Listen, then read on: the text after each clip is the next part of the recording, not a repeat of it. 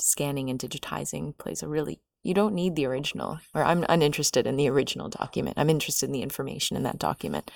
And so you know for example with the exhibition that Rasha Salti and I are working on here we're not showing original documents. We also don't have original documents. We have photographs or scans or scans or pictures of photocopies that we've gotten from someone but it's not really about the material itself. It's about what is inside that exhibition catalog or that newspaper article so, you know, different institutions have different priorities as to having an original document, building an archive. And it's important that they do that, absolutely, for preserving history.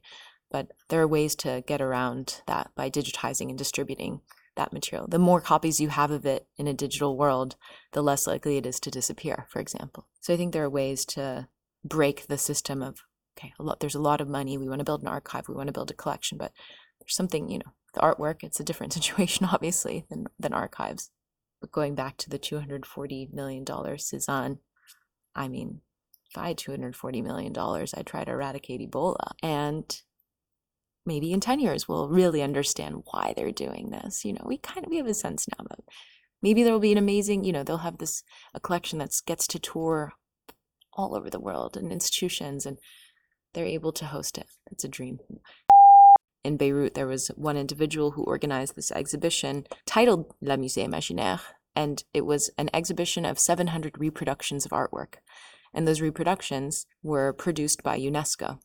And in the late 40s, there was a reproductions project by UNESCO to make available artwork to the UNESCO states.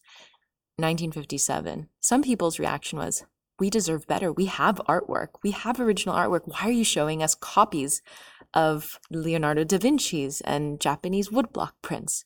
We have, we've seen originals. We deserve better. So a lot of people kind of remember we were offended. Why would you show us reproductions of? It was like an educational project. In fact, those reproductions were later used by the Sursock Museum in pedagogical exhibitions on specific themes. And this is how these kind of reproductions traveled around the world. There were UNESCO sponsored exhibitions, kind of prepackaged exhibitions to show around the world, which is great. This is a way to make available art to the masses.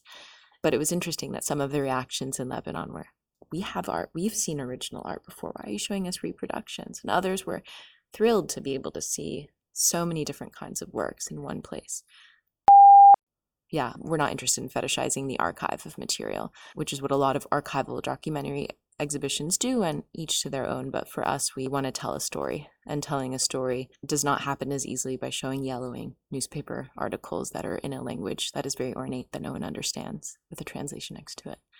So it was actually interesting because UNESCO is so brilliantly bureaucratic that you could get all of their meeting minutes online. So I have stack of papers of their discussions, basically, of which artwork to choose. And also, essentially, they were asking editors or publishing houses to do these reproductions.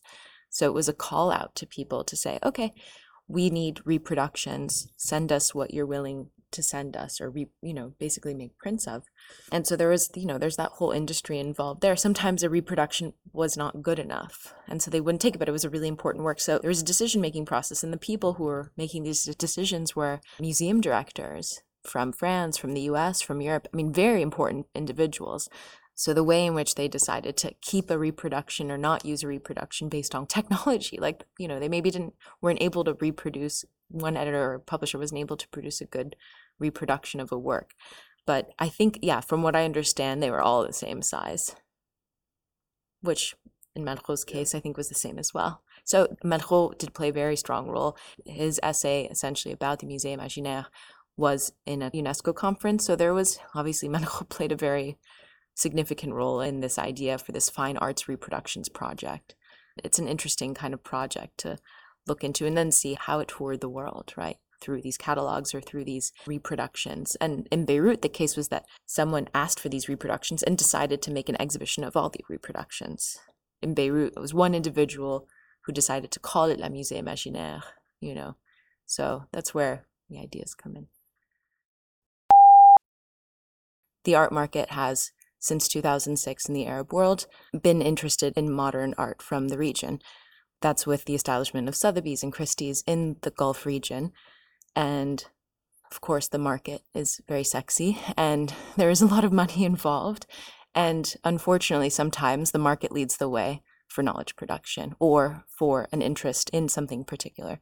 So you have artwork of amazing artists from Egypt, Syria, Lebanon, produced from the 30s, from the 40s, from the 50s, being sold. These catalogs from these auction houses are reference points. You know, what is the canon that references this one work that's being sold? It's hard to find it. It doesn't not exist, it exists in people's personal libraries, perhaps in small museum libraries, but it's not something that's readily available to kind of an everyday person. Um, you have to look for it, but it's there. So these auction catalogs become these references, and unfortunately, sometimes become or seemingly become the canon. It's the easiest way to reference them. But that was in 2006, and since then, I think there are quite a number of people who put an effort on the non commercial side, trying to look into the history of these artists and these artworks, and, you know, even talk about fakes, because when there's not that much knowledge, or the few people who have that knowledge, you know, are maybe sometimes involved in selling a work to the auction house, there isn't there aren't enough experts you know who can say this is definitely fake this is not from that period. So that's also something that is intriguing and comes up when you don't have a written history or you can't access the catalog to figure out the provenance of a work. It's not known that easily. It's a crazy time. There is a lot of wealth everywhere in the world but in particular in the arab world in the last five ten years people are spending money on art in a way that's much more visible. People were spending money on art in the past, but now it's so expensive and they want their names on things and they want to be known for it. But this is also, it's a little bit of a bubble and hopefully it will pop. And hopefully the people who really care about work will continue doing what they're doing and doing it in the most ethical way possible. Maybe they won't. Maybe they'll continue. But that's the case everywhere in the world. It's not exceptional to the region. It's just, you know, in Beirut right now, there are maybe five museums in development, there's no contemporary art museum or modern art museum, state museum in Lebanon. But one museum was bequeathed to the state in the 1960s called the Sursock Museum, has been kind of under renovation for many years and is reopening.